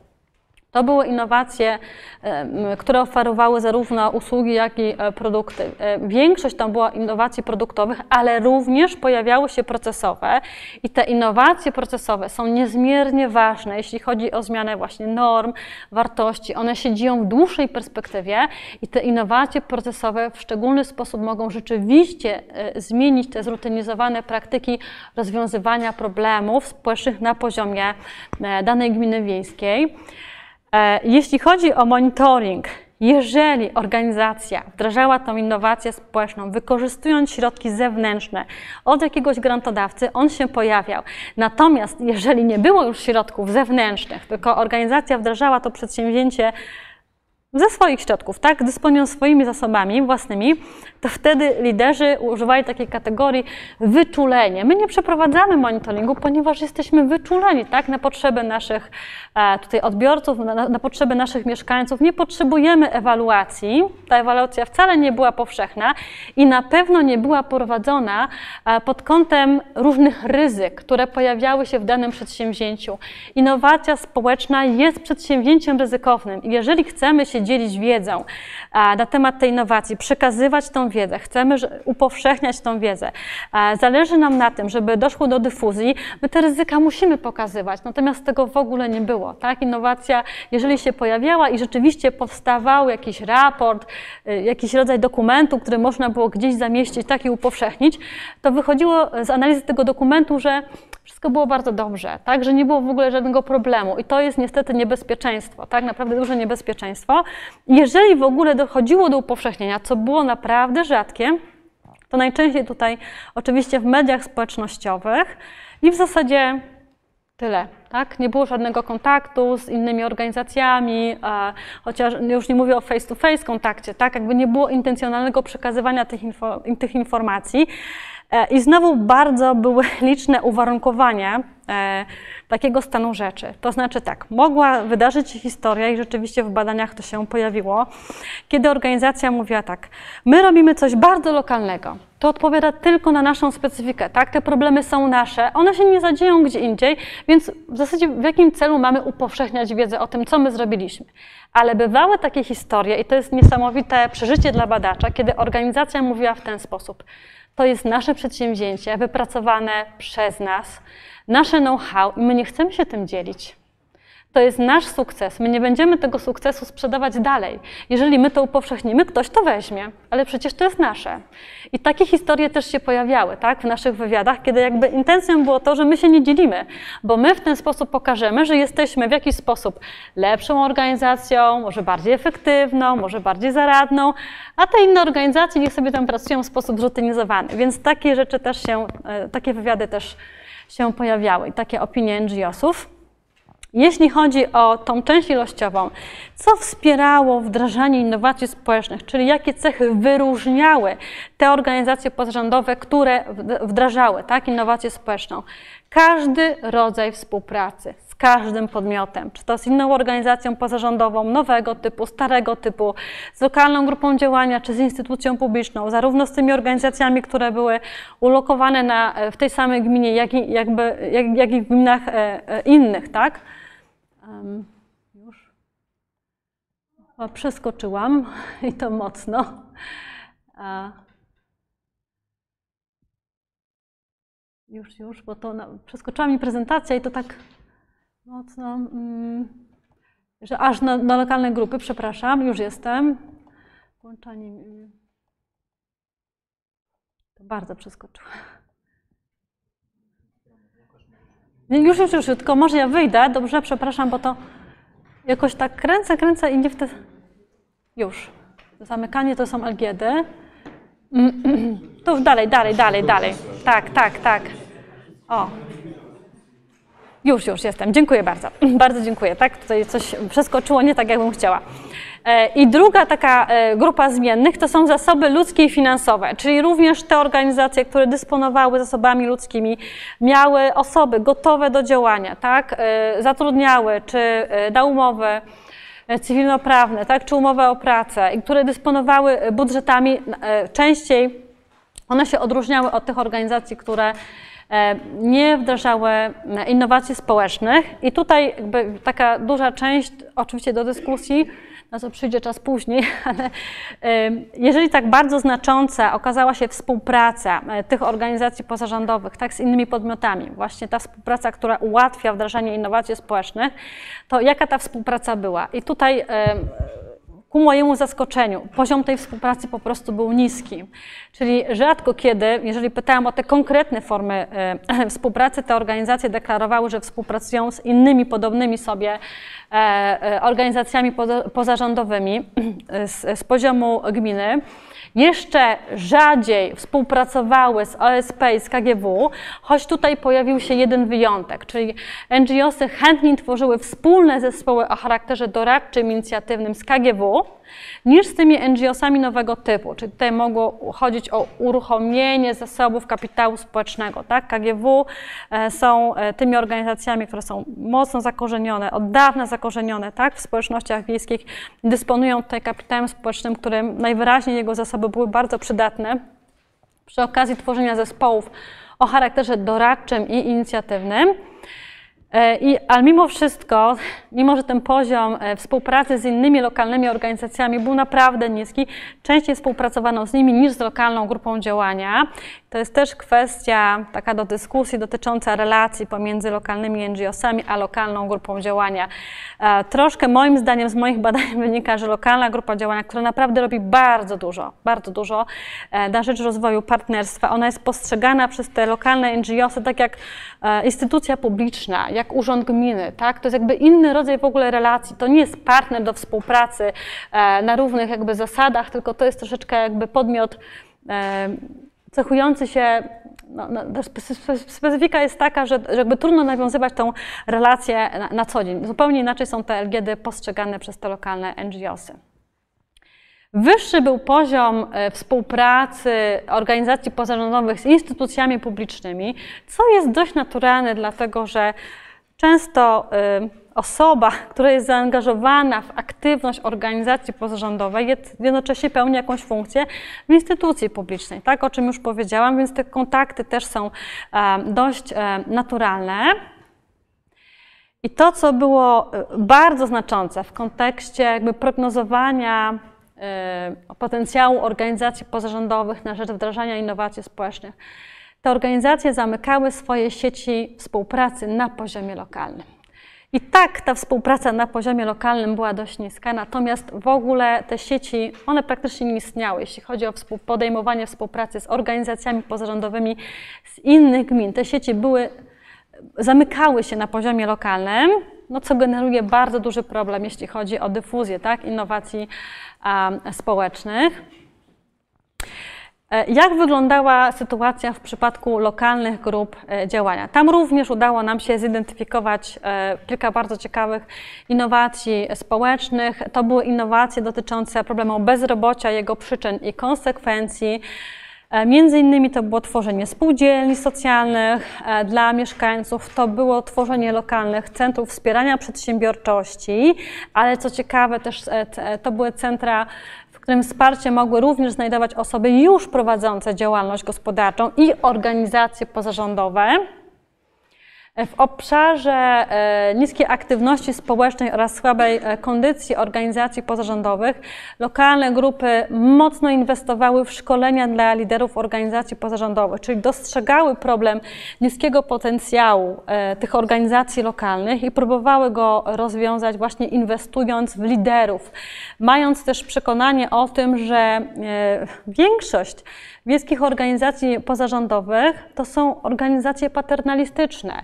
czyli tam bardzo wiele dzieje się siłą sprawczą jednego lidera. Jeżeli ten lider znika, E, czy to na skutek wypalenia zawodowego, tak? czy wypalenia w ogóle związanego z aktywnością, czy nie może w jakiś sposób kontynuować te swoje aktywności, znika potencjał organizacji, ona po prostu zamiera. Tak? I te lokalne grupy to dostrzegały i próbowały właśnie inwestować w liderów, przede wszystkim w ich kompetencje społeczne, bo obserwowały na swoim terenie, jak często, to też jest zaskakujące, te organizacje pozarządowe potrafią być w konflikcie z mieszkańcami, co jest właśnie bardzo zaskakujące. Lider nie rozumie do końca jakby głosu mieszkańców. Mieszkańcy nie rozumieją e, lidera i właśnie w związku z takimi konfliktami dochodzi do, do takiej, znaczy dzieje się taka sytuacja, że ta organizacja po prostu przestaje, przestaje funkcjonować i żeby przeciwdziałać tym problemom LGD inwestowały właśnie w kompetencje społeczne e, liderów. To były innowacje dotyczące dezintegracji więzi społecznych, zaniku tożsamości zbiorowej lub jej braku. Między innymi pojawiały się szkolenia edukatorów. Tymi edukatorami mieli być nauczyciele. E, I oni kultywowali to dziedzictwo kulturowe, to znaczy przekazywali tą wiedzę już najmłodszym pokoleniom, czyli edukowali przedszkolaki, później właśnie uczniów różnego rodzaju e, szkół. To był akurat przykład organizacji, która, e, lokalnej grupy działania, która mając świetnie zdiagnozowane zasoby lokalne, dostrzegała wiele podmiotów na terenie partnerstwa terytorialnego, które zajmują się sferą kultury, ale jest e, też e, była zdefiniowana tak by pewna, pewna luka przez tą lokalną grupę działania. Ona tą właśnie lukę próbowała wypełnić, tworząc tą alternatywną praktykę dotyczącą właśnie szkolenia edukatorów lokalnych w zakresie dziedzictwa kulturowego. W przypadku lokalnych grup działania, też konkludując tą część jakościową, częściej pojawiały się innowacje procesowe. Lokalne grupy były przekonane o konieczności długofalowego działania na rzecz rozwiązywania problemów społecznych i miały zasoby ku temu. A nawet jeżeli te zasoby się kończyły, bo zbliżał się koniec tak, okresu programowania, myślały o, o tym przedsięwzięciu w przyszłości. Miały poczucie tego, że to jest ważne tak, dla mieszkańców danego partnerstwa, w związku z tym to przedsięwzięcie powinno być kontynuowane, czyli częściej były to innowacje e, procesowe realizowane we współpracy z e, innymi, e, z innymi podmiotami. Z badań ilościowych wynikało, że nieco ponad 40% lokalnych grup deklarowało wdrażanie innowacji społecznych i również ten wynik może być oceniony albo jako bardzo dobry, albo, albo taki no, nie do końca, dlatego że wydawałoby się, że ta innowacyjność, tak, ona, ona mogła podpowiadać, że więcej tych podmiotów będzie wdrażało innowacje społeczne, ale z drugiej strony lokalne grupy działania świetnie diagnozują swoje zasoby. One są do tego po prostu zobligowane. I może w związku z tym były bardziej ostrożne tak, w, w, w nazywaniu tego przedsięwzięcia innowacją społeczną, tak, w, w charakteryzowaniu e, tego przedsięwzięcia właśnie poprzez pryzmat tych, tej definicji przyjętej przez nas e, innowacji społecznych i bardzo często właśnie współpracowały z innymi organizacjami, instytucjami, wdrażając to przedsięwzięcie, co jest dobrą, stanowi taką dobrą prognozę, e, jeżeli myślimy o tym, żeby to przedsięwzięcie przetrwało, a być może w przyszłości jeszcze, na przykład w ramach sieci współpracy z innymi lokalnymi grupami działania, ulegało dyfuzji. I dwie zmienne odróżniały tutaj e, lokalne grupy działania, które wdrażały innowacje społeczne od tych, które nie wdrażały. To była współpraca z podmiotami z obszaru partnerstwa innymi niż organizacje pozarządowe nowego typu. Innymi słowy, współpraca z OSP, KGW, ona okazała się znacząca, czyli te zasoby społeczne najwidoczniej, którymi dysponuje OSP i KGW, były znaczące. Lokalne grupy działania nie potrzebują innych zasobów jakby finansowych, to znaczy w tym sensie, że mają swoje tak, zasoby, potrafią o nie zadbać, potrafią je, je zdobywać, są w innej sytuacji niż wiejskie organizacje pozarządowe, ale najwidoczniej potrzebują e, właśnie wsparcia ze strony OSP i KGW, czyli innych zasobów, tak, zasobów e, społecznych, społecznych to są te zasoby, tak jak już podkreśliłam, to są instytucje, które są mocno zakorzenione w społeczności lokalnej i najwidoczniej to było bardzo ważne. Natomiast druga zmienna, która odróżniała te grupy LGD, tak, które wdrażały innowacje społeczne od tych pozostałych, to było włączanie mieszkańców w działania na rzecz rozwiązywania ich problemów. I to było naprawdę dosyć duże zaskoczenie dla mnie, dlatego że Lokalne grupy mają obowiązek włączać tych mieszkańców tak, w działania podejmowane. Zresztą one to robią w taki bardzo naprawdę widoczny, przejrzysty sposób. Jeżeli otworzymy sobie stronę e, lokalnej grupy działania, już pomijam e, kwestię e, lokalnej strategii rozwoju, ale i tej całej części związanej z komunikacją z mieszkańcami, ale tam bardzo często są ankiety, są hasła typu wypowiedz się, tak, podpowiedz, co moglibyśmy zrobić na obszarze partnerstwa. Naprawdę ta komunikacja jest zaawansowana i, mm, i one, one to robią na co dzień, czyli włączają tych mieszkańców, ale ta zmienna jest znacząca. I tutaj taka mm, konkluzja, która pojawia się w monografii, ja w ten sam sposób konstruowałam indeks włączania w przypadku LGD-ów i w przypadku e, NGO-sów. I widocznie jest jakaś specyfika związana z tym, jak lokalne grupy włączają tych mieszkańców, do której moim zdaniem można dotrzeć w badaniach poprzez, e, projektując badania jakościowe, tak, a nie ilościowe, dlatego że badania ilościowe niestety tego e, nie oddały. Co jeszcze ważnego w kontekście budowania potencjału lokalnych grup działania w, w kierunku wdrażania innowacji społecznych? E, o dziwo, e, one również zamykają swoje sieci współpracy na poziomie partnerstwa, czyli są mocno jakby zorientowane na to, co się dzieje na obszarze partnerstwa i owszem współpracują z tymi podmiotami, w zasadzie muszą to robić, tak? To jest e, jakby element aktywności przecież takiej wręcz codziennej lokalnych grup działania, więc są do tego zobligowane, natomiast bardzo często nie wychodzą poza te kontakty, pomijając oczywiście kontakty z lokalnymi grupami działania, tak? Bo one są oczywiste w ramach sieci współpracy częściej tworzą innowacje e, procesowe niż e, NGOsy. Są przekonane właśnie do tego, by przede wszystkim je wdrażać. Mm, I może taka o, o, część, już podsumowując powoli, zbliżając się do podsumowania, dotycząca dyfuzji. E, czyli specyfika tych innowacji społecznych to jest zawsze specyfika pewnego kontekstu, w ramach którego one są wdrażane. E, oczywiście naszym życzeniem jest, to jest takie pojęcie bardzo normatywne, tak? Jakby życzymy sobie tego, żeby one się pojawiały, dlatego że służą rozwiązywaniu problemów społecznych. Natomiast kontekst może być bardzo specyficzny, który nie będzie sprzyjał dyfuzji. Cechy, cechy tych podmiotów mogą wskazywać na to, że ta dyfuzja będzie e, ograniczona. Łącznie z tym, o czym już powiedziałam, czasami postawy liderów wskazują na to, że do tej dyfuzji po prostu nie dojdzie. Nie dojdzie nawet do, do tego, by poddać rzetelnie tą ewalu e, ewaluacji, e, tą innowację i spróbować ją upowszechnić. Jeśli chodzi o weryfikację hipotez badawczych, tak, okazało się, że współpraca w przypadku NGO-sów i zasoby ludzkie i finansowe jest niezmiernie istotna, to znaczy ona rzeczywiście wspomaga wdrażanie innowacji społecznych. W przypadku e, lokalnych grup działania to była współpraca, ale z wybranymi podmiotami i włączanie mieszkańców. I może kilka pytań do, do dyskusji, bo jest to kwestia oczywiście otwarta. E, po pierwsze, jakie są też takie efekty tych badań e, bardzo praktyczne, tak? I co można zrobić, żeby, żeby stymulować wdrażanie innowacji społecznych?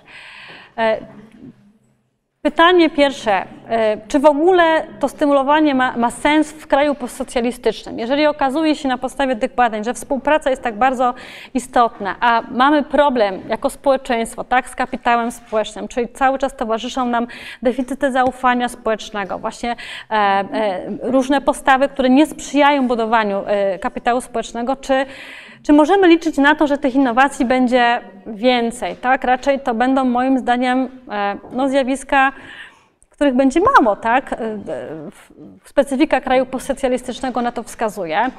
Dalej taki problem, który też pojawia się w literaturze, czy warto wzmacniać zasoby finansowe organizacji pozarządowych. Te zasoby są bardzo ważne, ale są również e, tacy badacze i tacy teoretycy, którzy podkreślają, że inwestowanie w organizacje pozarządowe, w zasoby finansowe, w zasadzie to jest przeniewierzenie jakiejś idei trzeciego sektora, tak? Trzeciego sektora, który e, powinien działać mocą e, pracy społecznej, tak? Powinien w dużej mierze właśnie wykorzystywać te zasoby swoich członków, a niekoniecznie te organizacje powinny stawać się takimi przedsiębiorstwami społecznymi, bo stanowi to zagrożenie dla pewnych innych wartości trzeciego sektora.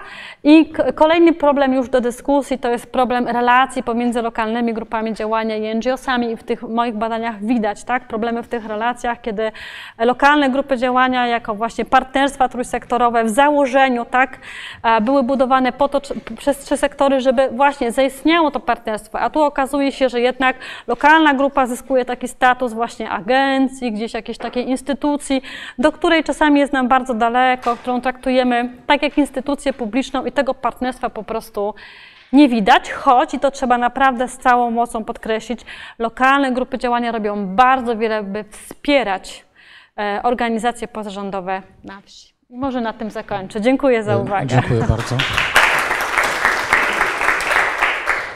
Dziękuję bardzo Pani doktor za to bardzo ciekawe wystąpienie, za taką dużą dawkę informacji.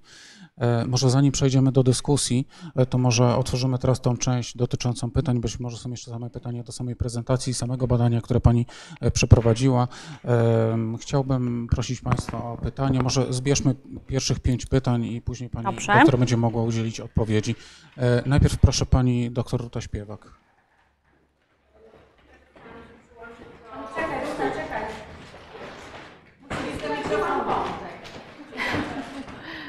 E, Też chciałam się. A, okej. E, Też chciałam się przyłączyć y, do głosu, że to było bardzo, bardzo ciekawe i duża dawka, ale takich dobrze podanych informacji. E, I e, trochę odpowiadając, znaczy nie, e, trochę może odpowiadając na pytanie o tych e, innowacji e, w krajach postsocjalistycznych, ja już w trakcie prezentacji twojej zastanawiałam się, czy uwzględniałaś organizacje i instytucje nieformalne. E, Mianowicie e, w moich badaniach e, tak, krótkich łańcuchów żywnościowych w krajach postsocjalistycznych bardzo dużo nie wiem, czy bardzo dużo, ale trochę się mówi o, o, o różnego rodzaju działaniach y, y, nieformalnych, y, takich, które nie są, no wiadomo, co to znaczy.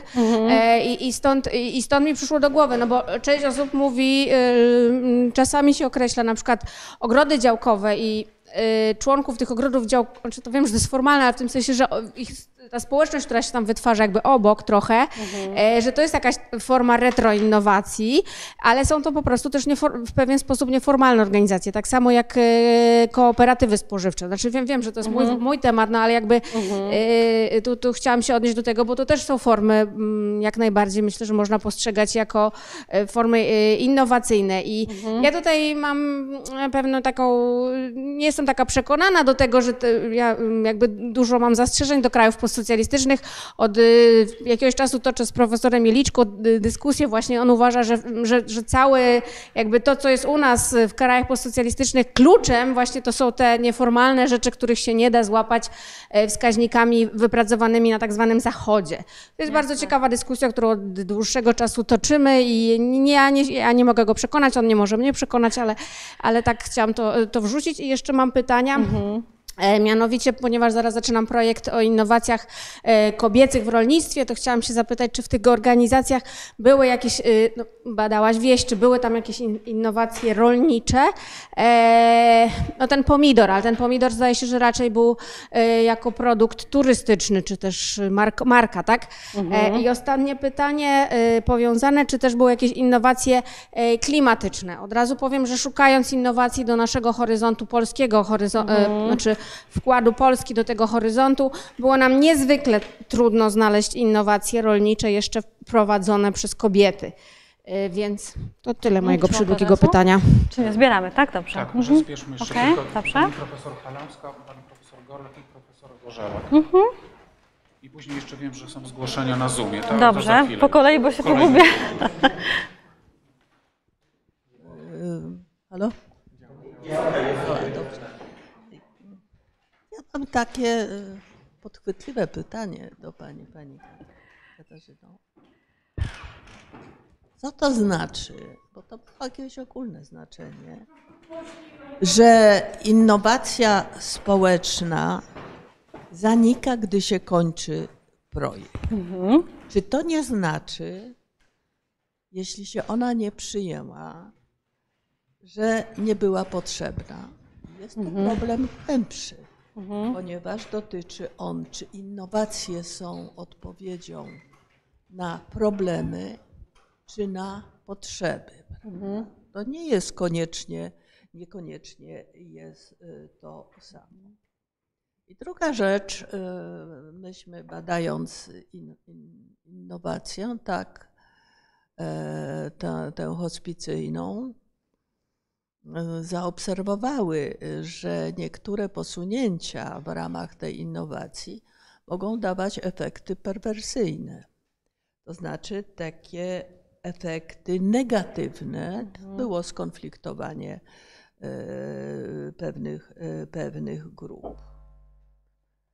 I, i, to, I to tak, poza tym, że chciałam dodać, że to innowacje społeczne to jest kolejna fala innowacji społecznej, która e, przyszła, zapoczątkowana została w momencie, gdy państwo dobrobytu wycofywało się z różnych usług społecznych i wtedy przyszła taka fala z ekonomią społeczną i tak dalej, i tak dalej, ale to na inną okazję. Dziękuję. To?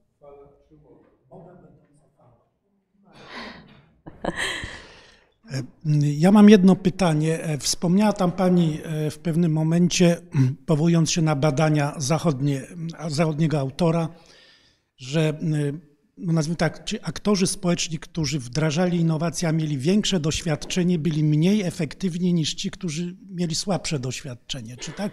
Krócej działali, tak? Tak, tak. No to to by było, że tak powiem, na zdrowy rozum wytłumaczalne, że ktoś, kto dłużej działa, popada w rutynę, jest mniej Tak. innowacyjny. Ten. A u pani, w pani badaniach pani mówi, że to się nie potwierdziło. No to ja mam pytanie, dlaczego? Jak pani uważa? Dlaczego? Dobrze, dobrze. Dziękuję.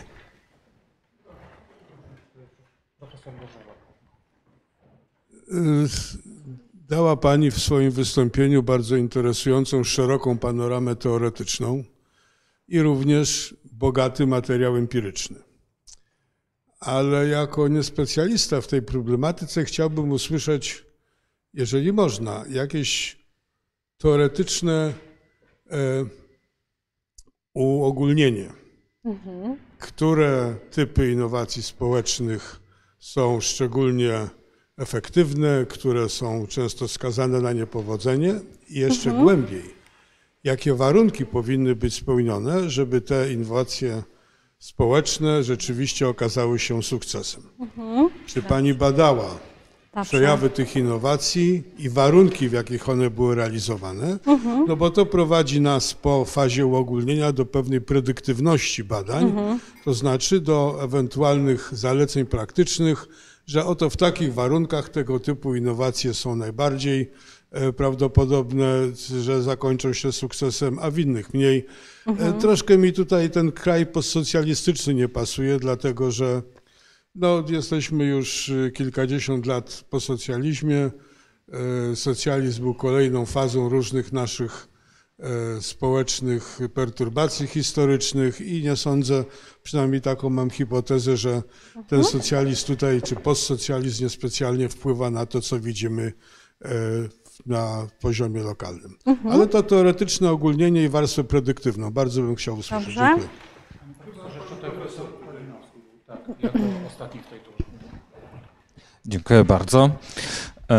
To ja mam takie troszeczkę, e, no nieco polityczne pytanie, bo wiemy, że w ostatnim czasie e, Elgiedy, mm, powstają nowe Elgiedy współpracujące z partiami politycznymi, gdzieś próbuje się, e, nie będę mówić jakimi, no, bo to nie, nie jest istotne, czy ta próba upolitycznienia Elgiedów e, nie doprowadzi do tego, że finansowanie działalności będzie nie z tytułu tego, że, że na przykład ta lokalna grupa działania, czy, czy NGOsy, czy inne e, organizacje dążą do innowacji społecznych, dążą do innowacji szeroko rozumianych, em, czy nie będzie to tak, że uzyskiwane środki będą wynikać właśnie z sieci, o których pani mówiła, że, że, że one nie istnieją, e, a nie właśnie e, ze względu na innowacje. No i drugie, to już to bardziej nawet nie pytanie, tylko takie zastanowienie, że jak to jest, że organizacje, które powstają dla poprawy jakości i poziomu życia, jednocześnie boją się mówić o swoich innowacjach, bojąc się, że inni skorzystają na tej poprawie jakości życia. I to dziękuję. Dziękuję bardzo, więc e, to, to była pierwsza tura. Dobrze. Proszę. Tak, no właśnie chyba nie potrzebuję, dobrze.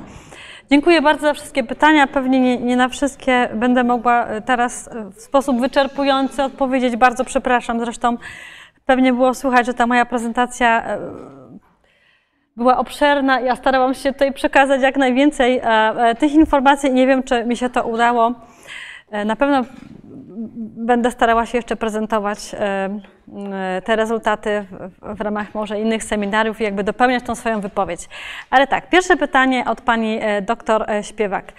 Pełna zgoda, jeśli chodzi o instytucje nieformalne, warto je badać, warto je uwzględniać. To, co się podziało w tym projekcie, o którym dzisiaj opowiadałam, Badając formy współpracy, e, miałam pełne przekonanie, że badam, i to zresztą e, pojawiło się też w instrukcji dla ankietarów, badam zarówno to, co nieformalne, jak i to, co formalne, zdając sobie sprawę z tego, że na wsi tego, co nieformalne jest bardzo wiele, tak?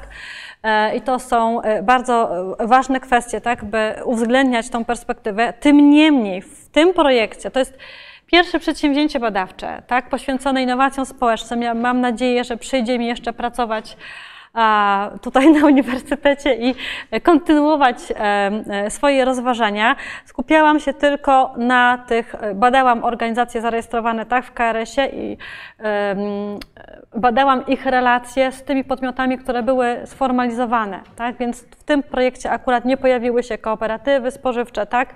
Pojawiła się e, tylko historia spółdzielni socjalnych, ponieważ one również w rodzimej literaturze przedmiotów pojawiają się jako podmioty dysponujące dość dużym potencjałem w zakresie wdrażania innowacji społecznych, zwłaszcza te spółdzielnie socjalne, one są oczywiście bardzo zróżnicowane, ale tak upraszczając troszeczkę, e, są spółdzielnie tworzone z myślą o e, potrzebach osób wykluczonych na przykład na rynku pracy. To są osoby, które no, nie radzą sobie na rynku pracy, więc powstaje spółdzielnia, gdzie mamy ekspertów i te osoby, które sobie nie radziły na rynku pracy i od takiej spółdzielni troszkę trudno oczekiwać e, wielkiej innowacyjności, ale są też spółdzielnie socjalne tworzone przez osoby wykształcone z bardzo dobrym jakby zapleczem, jeśli chodzi o e, kapitał ludzki. To są osoby, które chciały stworzyć docelowo, tak, właśnie spółdzielnię socjalną, mając na myśli jakieś innowacyjne przedsięwzięcie. Natomiast problem, jeśli chodzi o spółdzielnie socjalne w tych gminach wiejskich polegał na tym, że ich było bardzo, bardzo niewiele. Tak? Nie udało nam się dotrzeć. Tak? Są to instytucje, które prowadzą, muszą utrzymać się na rynku.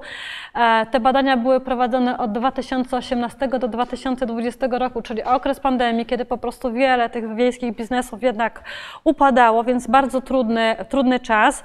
I to też powodowało pewnie, że tych spółdzielni socjalnych było mniej, więc pełna zgoda e, dotycząca tego, że specyfika wsi też wskazuje na to, że dzieje się wiele nieformalnie i warto badać e, nieformalne zrzeszenia, tak, te różne przejawy aktywności.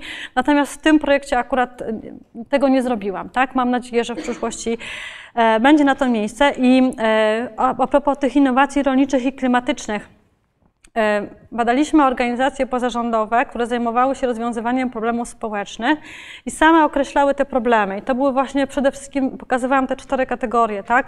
Rozwój lokalny, edukacja e, i wychowanie. Nie było tam takich kwestii związanych z klimatem, tak? Nie było tam kwestii związanych z rolnictwem. Do takich innowacji nie dotarłam, ale też po prostu ich nie, nie poszukiwałam, tak? Więc być może są. Nie wiem.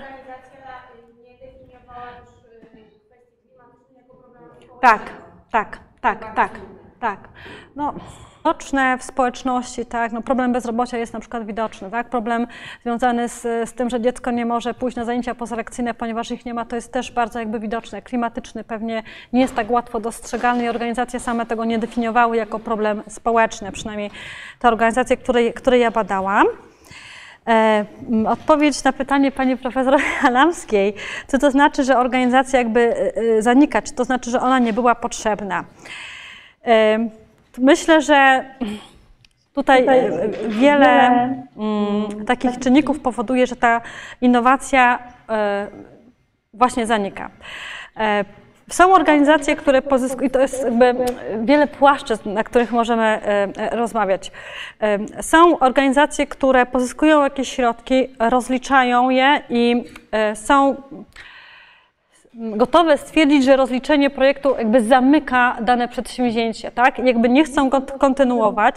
Jeżeli nie mają motywacji do tego, żeby poddać ewaluacji to przedsięwzięcie, żeby to upowszechnić, gdzieś pokazać, o tym mówić i zamykają się na przykład na poziomie społeczności lokalnej, to nie ma szansy na to, że ta innowacja będzie kontynuowana. Więc ona może być potrzebna, natomiast jeżeli organizacja myśli tylko w kategoriach projektowych, mam środki, to działam, nie mam środków, to nie działam, a są też takie organizacje, tak? nie wszystkie działają mocą sprawczą e, swojego lidera, to wtedy to przedsięwzięcie, nawet kiedy okazało się sukcesem,